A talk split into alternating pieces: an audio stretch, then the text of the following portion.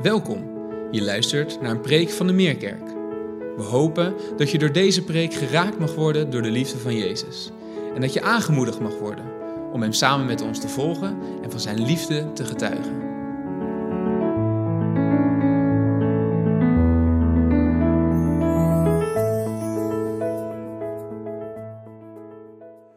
Een hele goede morgen. We gaan door inderdaad met deze nieuwe prekenserie waar we mee begonnen zijn.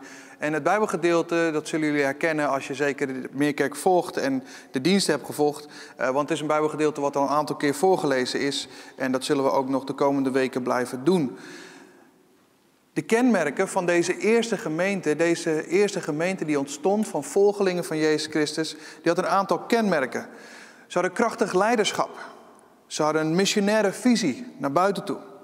Ze waren een gemeenschap die trouw bleven aan elkaar en die alles met elkaar deelden. Ze verkochten al hun bezittingen en deelden alles met elkaar. Ze stonden in teken van aanbidding en lofprijzing wanneer ze samenkwamen. En ze stonden dus in de gunst bij het hele volk. Het was dus niet normaal wat zij deden daar. Ze stonden in gunst bij het hele volk. Wat zij hadden, wilde eigenlijk de rest van de mensen ook.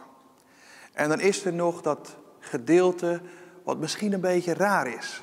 Want wat ook zo belangrijk was, en een van de belangrijke kenmerken was van die eerste gemeente, was dat ze samen met elkaar gingen eten. En dat eten, dat had een dubbele betekenis. Dat was inderdaad het vieren van heilig avondmaal, datgene wat Jezus hen voor had gedaan. Om te gedenken wat Hij heeft gedaan voor hen, door het brood te breken, zijn lichaam en de wijn te drinken, zijn bloed. Maar het was ook gewoon samen eten zoals we dat kennen. Samen aan tafel eten. Ik las een onderzoek van Kind en Samenleving. En uit dat onderzoek bleek dat in 2020, vorig jaar, nog maar slechts één op de drie gezinnen samen één maaltijd per dag eet. Eén op de drie gezinnen. In vergelijking met vroeger, in 1966 bijvoorbeeld was dat nog drie maaltijden per dag per gezin. En vanaf 1999 is het teruggegaan naar minder dan één maaltijd per dag per gezin. En dat is nu dus teruggegaan naar één op drie gezinnen die dat nog maar doet. Terwijl uit datzelfde onderzoek blijkt dat het gezamenlijk eten van toegevoegde waarde is voor onze sociale contacten, om normen en waarden met elkaar te delen. En de maaltijd helpt ook om familie, vrienden en kennissen met elkaar weer te verbinden. En we weten het allemaal wel, want we kennen allemaal wel het programma Familiediner. Familiediner wat bekend is geworden juist door mensen, families die uit elkaar zijn gedreven, door welk ruzie of conflict dan ook. En die worden dan ineens gevraagd om weer bij elkaar te komen aan tafel. Om de maaltijd met elkaar te delen. Blijkbaar is er iets met het delen van de maaltijd. Daar worden dingen gedeeld. Daar worden levens gedeeld. Het is jammer dat we dat verloren zijn in de loop der jaren. En het lijkt wel alsof dat steeds minder en minder wordt. Uit dat onderzoek bleek trouwens ook dat als het gaat om oudere mensen, die alleen nog maar met een bord op schoot de maaltijd nuttigen, alleen. Uit het onderzoek blijkt dat als we die mensen, die oudere mensen, aan tafel zetten, dat simpele feit aan tafel zetten, dat zorgt ervoor dat 80% van de ouderen zich minder eenzaam en minder depressief voelt. Wat is er gebeurd in onze fastfood cultuur? Dat is waar we in leven. Een fastfood cultuur. Snelle bord, snel eten en snel weer door. We hebben geen tijd meer om echt het leven te horen van de mensen met wie we de maaltijd delen. In die zin is het niet zo belangrijk wat je eet, maar het is veel belangrijker met wie je eet. Met wie zitten we nog aan tafel? De gastvrijheid om mensen uit te nodigen. En de tijd die je daarin neemt om mensen echt te leren kennen. We zijn het verloren. En ik denk dat het belangrijk is om dat te herstellen met elkaar. Daarom ben ik ook zo blij dat de Alpha-cursisten hier zitten, want een van de belangrijke dingen bij de Alpha-cursus is de maaltijd delen met elkaar. Wanneer we hier bij elkaar komen, s'avonds, voordat de inleiding begint, voordat de cursus werkelijk begint, delen we met elkaar de maaltijd. We zitten met elkaar aan tafel en delen elkaars verhaal. Wat heb je gedaan? Hoe zit je hier? Misschien wel gehaast en opgejaagd van alles wat je op je werk verwacht wordt. En uiteindelijk even de rust. Niet zelf te hoeven koken. Aan te schuiven. De maaltijd is bereid. En je zit ineens aan tafel met mensen die je misschien nog nooit eerder hebt gezien. Dat heeft iets kostbaars. Het delen van de maaltijd. Ik weet nog dat wij vijf jaar geleden verhuisden van Nieuw-Vennep naar Hoofddorp. En we hadden hier een huis gekocht. En een van de eerste dingen die ik samen met mijn vrouw besprak was hoe we de inrichting gingen doen van onze woonkamer. Natuurlijk is dat belangrijk. En een van de eerste dingen waar we gelukkig samen snel uitkwamen, is dat we een aantal dingen niet wilden. We wilden geen bank in huis, niet in de woonkamer in ieder geval. We wilden ook geen tv in de woonkamer. En niet omdat dat moet of omdat we dat gedwongen zijn om te doen. Nee, we verlangden ernaar om geen bank en geen tv in de woonkamer te hebben. En wat wij in de woonkamer hebben staan, is een tafel. Een hele mooie, maar simpele tafel. Met stoelen. That's it. En waarom hebben we dat gedaan? Omdat we al heel snel tot de conclusie kwamen hoe kostbaar het is om de maaltijd met elkaar te delen. Toen ik nog jongerenwerk deed hier in, bij Expect, bij ons jongerenwerk, toen hadden we samen met het gezin, samen met Linda en samen met Jim, mijn vrouw en zoon, hadden we een onderdeel ja, in ons jongerenwerk geroepen. Dat heette Patrick. En Patrick, dat stond dan voor eten bij Patrick. En dan nodigden we één keer in de maand vijf jongeren uit, die we dan vroegen om bij ons te komen eten. Maar dat niet alleen. Het was niet alleen maar om, om, om jongeren bij ons thuis te hebben en de maaltijd met elkaar te delen. Uh, maar we wilden ze ook op eigen benen laten staan. Dus we gaven 5 euro per persoon mee. En dan moesten zij zelf naar de Albert Heijn of naar Dirk van der Broek of naar welke supermarkt dan ook. Ze moesten zelf zorgen voor een voorgerecht, een hoofdgerecht en een nagerecht. Ze moesten het ook zelf maken. Het was ook een stukje ontspanning voor Linda en mij te zorgen dat andere mensen je eten maken. Maar er was iets heel kostbaars. Daar heb ik de jongeren echt leren kennen. Simpelweg door de maaltijd met elkaar te delen. Het is jammer dat we dat verloren zijn in de loop der jaren. En het lijkt wel alsof we dat steeds meer aan het verliezen zijn. En als we dan kijken naar de Bijbel, als we kijken naar alle voorbeelden die gegeven worden in de Bijbel, waarin de maaltijd een hele belangrijke functie heeft, centraal staat op vele plekken. En dan is het zeker belangrijk ook wat je eet, maar veel belangrijker is nog met wie je dat eet. De maaltijd delen was een uitdrukking van het vormen van een gemeenschap met allen die daar aan tafel zitten.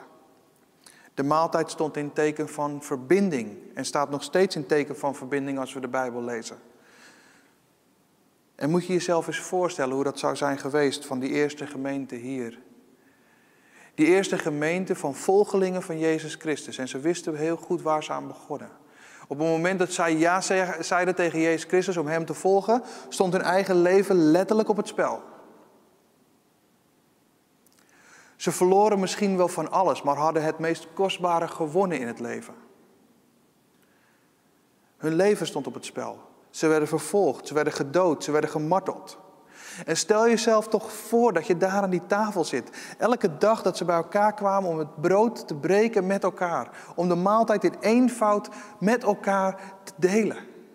Stel jezelf voor dat je aan die tafel komt en je komt daar binnen. En je weet niet wie er aan die tafel komt te zitten. Misschien is de beste vriend met wie je, met wie je hebt opgetrokken wel vermoord omdat hij Jezus volgt. Misschien zit tegenover je wel iemand met littekens, omdat hij gemarteld is om zijn geloof.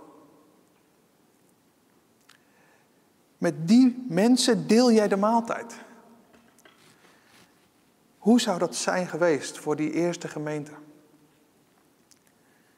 Wat een liefde. Misschien was dat wel de reden waarom ze zo trouw bij elkaar bleven. Ze deelden de maaltijd. Maar veel meer nog. Door het delen van de maaltijd deelden ze elkaars leven. Deze eerste christenen en het delen van de maaltijd wordt ook wel genoemd de agape-maaltijden. En agape-maaltijden, agape staat voor een zelfopofferende liefde, een goddelijke opofferende liefde. Een liefde far boven alle andere vormen van liefde. Goddelijk. Agape. Zelfopofferend. En de kenmerken van zo'n agape-maaltijd is nederigheid. Gemeenschappelijk hebben. Beleiden van de dingen die we fout doen. En danken voor God die ons redt. Deze maaltijden die ze deelden waren ook grensdoorbrekend. Iedereen mocht deelnemen aan deze maaltijd. En onderling vierden zij de, de verbondenheid met Christus zelf. Om te gedenken wat Jezus had gedaan. Zijn lichaam gebroken voor ons falen. Zijn bloed heeft gevloeid voor onze onrechtvaardigheid, ongerechtigheden. En telkens weer, wanneer wij dat brood breken en deze wijn drinken, dan doen we dat. Opdat we nooit zullen vergeten wat een wonder van genade het is. En hoe belangrijk deze maaltijden zijn voor Jezus zelf, zien we ook in het Nieuwe Testament. Daar waar Jezus heel veel voorbeelden, heel veel gelijkenissen deelt, waarin de maaltijd een hele belangrijke functie heeft. Waarin Jezus zelf maaltijden heeft met mensen. En een aantal voorbeelden maar genoemd. Als we Lucas 15 lezen, dan lezen we daar het verhaal van de verloren zoon, wat eindigt met een feestmaal. Lucas 19, waar Jezus zichzelf uitnodigt bij die tollenaar Zacchaeus. Weet je wel? De man die eigenlijk iedereen het liefst kwijt was. Liever kwijt dan rijk. En Jezus was hem liever rijk dan kwijt. Die tollenaar. Jezus nodigt zichzelf bij hem uit om de maaltijd te delen. Lucas 24, de Emmausgangers. Wichelen heeft daar eerder over gesproken. Het was tijdens het breken van het brood wat Jezus deed, dat hun ogen geopend werden. Toen Jezus het brood brak, werden hun ogen geopend. En daar zien we dus dat het delen van de maaltijd veel belangrijker was dan we denken. Het had een hoger doel. Het was om onze ogen te openen voor wie Jezus is. Het was om verbinding te hebben met mensen die misschien buiten die maaltijd geen verbinding hadden. Het was om feest te vieren. En als je vandaag de dag nog steeds kijkt in de Israëlische cultuur, dan merk je dat de maaltijd delen met anderen ook staat voor een vriendschapsverbond. Je bent een vriendschapsverbond aan het sluiten, daar waar je de maaltijd met elkaar deelt. Zo kostbaar is dat. En dat doen we straks ook met het vieren van het heilige avondmaal. Jezus deed het ons voor en Jezus riep ons op om hetzelfde te blijven doen. Om te gedenken wat Hij gedaan heeft voor ons. Door het brood te breken en het wijn te drinken. De brood dat symbool staat voor zijn lichaam. En het bloed wat symbool staat voor datgene wat Hij heeft laten vloeien. Voor onze fouten en onze ongerechtigheid. Als daad van ultieme liefde. Het breken van het brood en het drinken van de wijn. Als we dat straks doen, dat maakt het offer van Jezus enigszins tastbaar.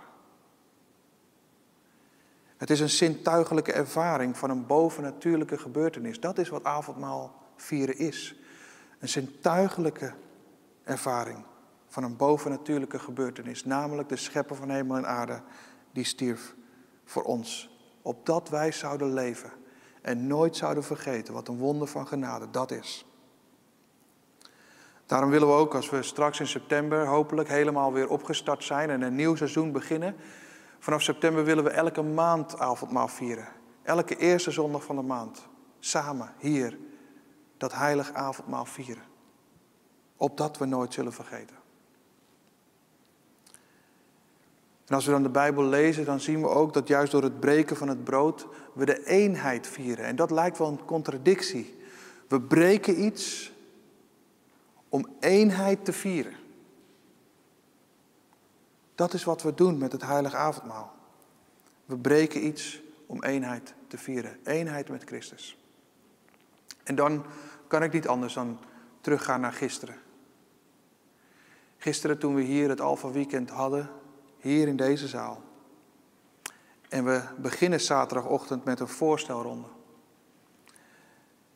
En bij die voorstelronde is altijd maar de vraag of mensen de muur om hun hart laten staan of dat ze iets laten afbrokkelen en iets laten zien van hun echte hartsgesteldheid. En het laatste gebeurde. Ze lieten iets zien van hun gebrokenheid. En terwijl de ene de ander iets liet zien van zijn of haar gebrokenheid, vormden we steeds meer en meer met elkaar een eenheid. Dat is wat we doen als we het heilige avondmaal vieren. We breken iets af om eenheid te vieren. En daarom ben ik ook zo dankbaar dat hier de halve cursisten zitten, een aantal van hen. Om dat een aansluiting te laten zijn op wat gisteren hier gebeurde. In gebrokenheid je leven delen om eenheid te vinden. En die eenheid mogen we nu laten zien ook door het vieren van het heilige avondmaal. En Henrike noemde het al, vorige week stonden we stil bij 33 nieuwe leden die hier toegevoegd werden aan onze gemeente. Zij vieren de eenheid in Christus met elkaar. Vorige week zei Remy ook dat we juist Gods hart hadden gebroken door het breken van Gods wet. En wat kostbaar het dan is om de eenheid te vinden met elkaar door Zijn genade. Maar vandaag doen we dat enigszins ook. We breken niet Gods hart door het breken van de wet, maar we breken ons eigen hart door het breken van het brood. En dat klinkt misschien wat negatief en heftig. Moet ik dan mijn eigen hart breken? Nee, maar dat is wat Jezus ons opriep. Als wij het brood breken, dan gedenken wij aan wat Jezus heeft gedaan voor mij, voor jou. En dat breekt ons hart. Omdat Hij iets heeft gedaan wat wij niet kunnen doen. Dus door het breken van het hart, breken van het brood, breken we iets af van ons eigen hart. En precies dat gebroken hart is wat God verlangt. En ik wil kijken naar een gedeelte wat je kan vinden in de psalmen. Wat precies dat laat zien. Psalm 51 is een psalm van David. En velen die de Bijbel kennen, die weten dat deze psalm een psalm is die hij schreef naar aanleiding van de profeet Nathan die bij hem is gekomen. En Nathan confronteert hem met een supergroot dieptepunt in het leven van David. En Nathan confronteert hem daarmee. David was naar bed geweest met een vrouw genaamd Bathseba. En David wist dat zij getrouwd was met een man. Notabene een man die bij David in het leger zat. David gaat toch met haar naar bed. Zij wordt zwanger. En David ruimt haar man op door hem in de frontlinie te zetten van een gevecht, wetende dat dat zijn leven zal kosten. Dieper dan dat kon David niet zakken. Hij faalde. En Nathan confronteerde hem daarmee. En zei: David, dit is niet oké. En dan schrijft David deze psalm 51. En dan begint hij met een schuldbeleidenis.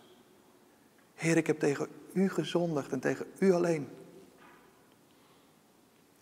En dan zegt hij, dan smeekt hij, o God, schep in mij een zuiver hart. Vernieuw mijn geest en maak me standvastig. Red mij en geef me weer de vreugde van vroeger.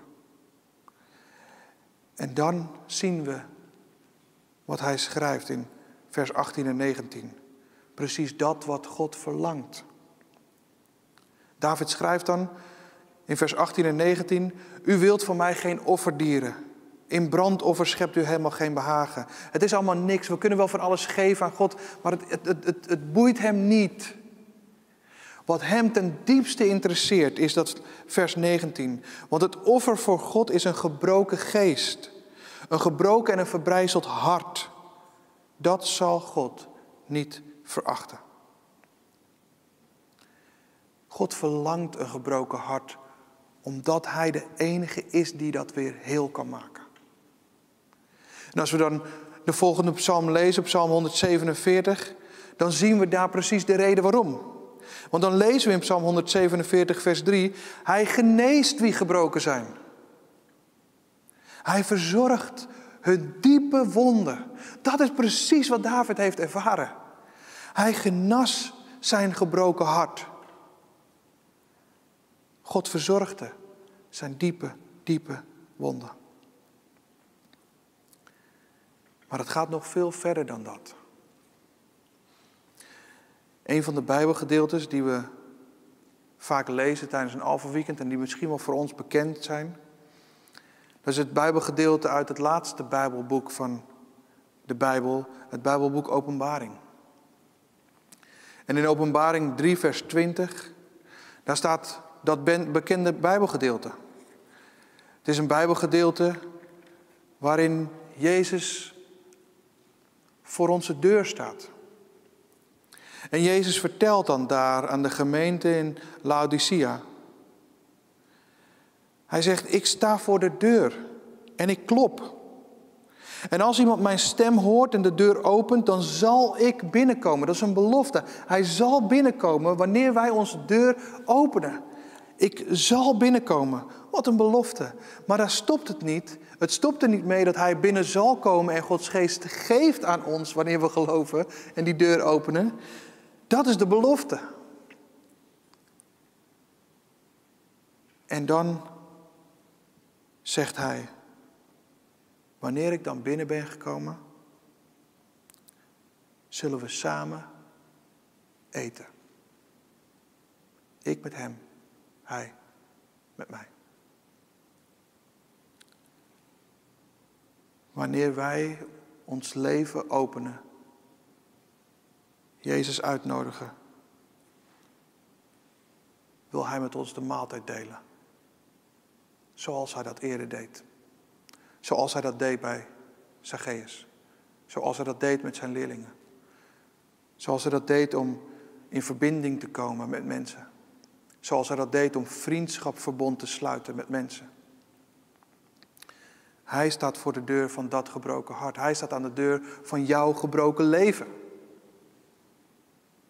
verlangend om samen de maaltijd te delen. En als je deze woorden op je in laat werken, dan zijn deze woorden niet alleen maar geschreven voor mensen die niet geloven of nog niet geloven. Deze, mensen, deze, deze woorden zijn geschreven aan mensen die wel geloven. Het waren juist christenen aan wie Johannes deze woorden schrijft. Ze waren lauw geworden, staat daarvoor. Ze waren niet warm, niet koud. Nee, ze waren lauw. Lauwe christenen, lauwe volgelingen van Jezus. En tegen hen zegt hij: Jezus staat aan de deur van je hart. Jezus staat aan de deur van jouw gebroken leven. Als je Hem uitnodigt om naar binnen te komen, als jij de deur opent, zal Hij binnenkomen. En dan realiseer je dat het huis waar Jezus voor staat. De deur waar Hij voor staat om binnen te komen, is deel van het huis wat Hem al lang toebehoort. Hij is de schepper van alles. Hij is de schepper, de maker van dat huis. Hij is de schepper, de maker van dat huis. En hij staat aan de deur te kloppen van het huis wat hij gemaakt heeft.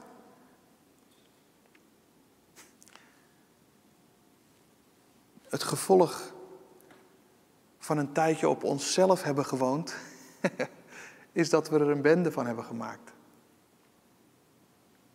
We hebben Jezus buiten gesloten. In ieder geval een deel van ons leven. En in die tijd dat we Jezus buiten hebben gesloten en op onszelf hebben gewoond, hebben we er een bende van gemaakt van dat huis. En daar waar het een bende binnen is, staat Jezus buiten en klopt aan. Dat huis wat hij gemaakt heeft. En weet je hoe Jezus dan binnenkomt? Zal ik het pakken? Blijf even zitten. Even één moment.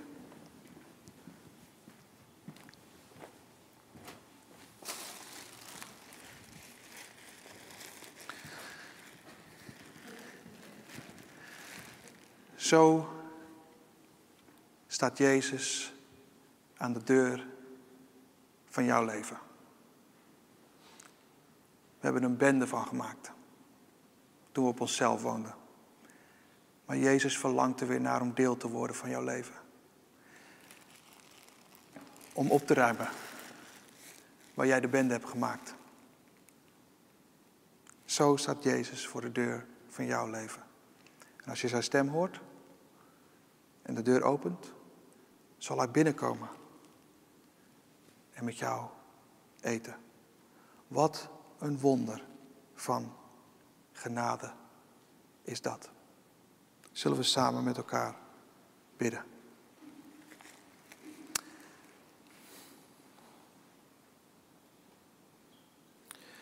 Heer, als we dit beseffen, het belang van het breken van het brood en het drinken van de wijn, dat we daarmee iets breken van ons eigen hart en misschien wel voor het eerst de deur openen of opnieuw de deur openen van ons hart, van ons leven, van ons gebroken hart en ons gebroken leven, dan staat u daar voor die deur en kunnen we u oog in oog zien dat u met een bezem en een vuilniszak staat om de bende op te ruimen die wij gemaakt hebben toen we op onszelf woonden. Toen wij dachten het allemaal zelf wel te weten en te regelen. En juist door het breken van het brood en het drinken van de wijn breken we iets van ons eigen hart af. En wanneer we dat vervolgens tot ons nemen, wanneer we vervolgens tot ons nemen dat brood, die wijn, dan reinigt u ons. Dan heiligt u ons. En dan heelt u ons gebroken hart. Dat is het wonder van genade. We hebben het niet verdiend. Maar uit liefde mogen we het ontvangen. En zo willen we dat bidden. Dat als we straks samen dat avondmaal vieren met elkaar, wat een feest het is om u na te volgen. Als we die maaltijd met elkaar delen, dan bid ik dat het vieren van het avondmaal, ook straks als we dit maandelijks gaan doen, dat het nooit meer hetzelfde zal zijn. Dat het elke keer weer is dat we iets van onszelf afbreken om geheeld en gereinigd te worden door u. We nodigen u uit, Heer. Ook ik open mijn deur. Komt u binnen. Reinig mij, heilig mij en heel mijn gebroken hart. In Jezus' naam. Amen. Fijn dat je hebt geluisterd. Voor meer informatie ga naar www.meerkerk.nl.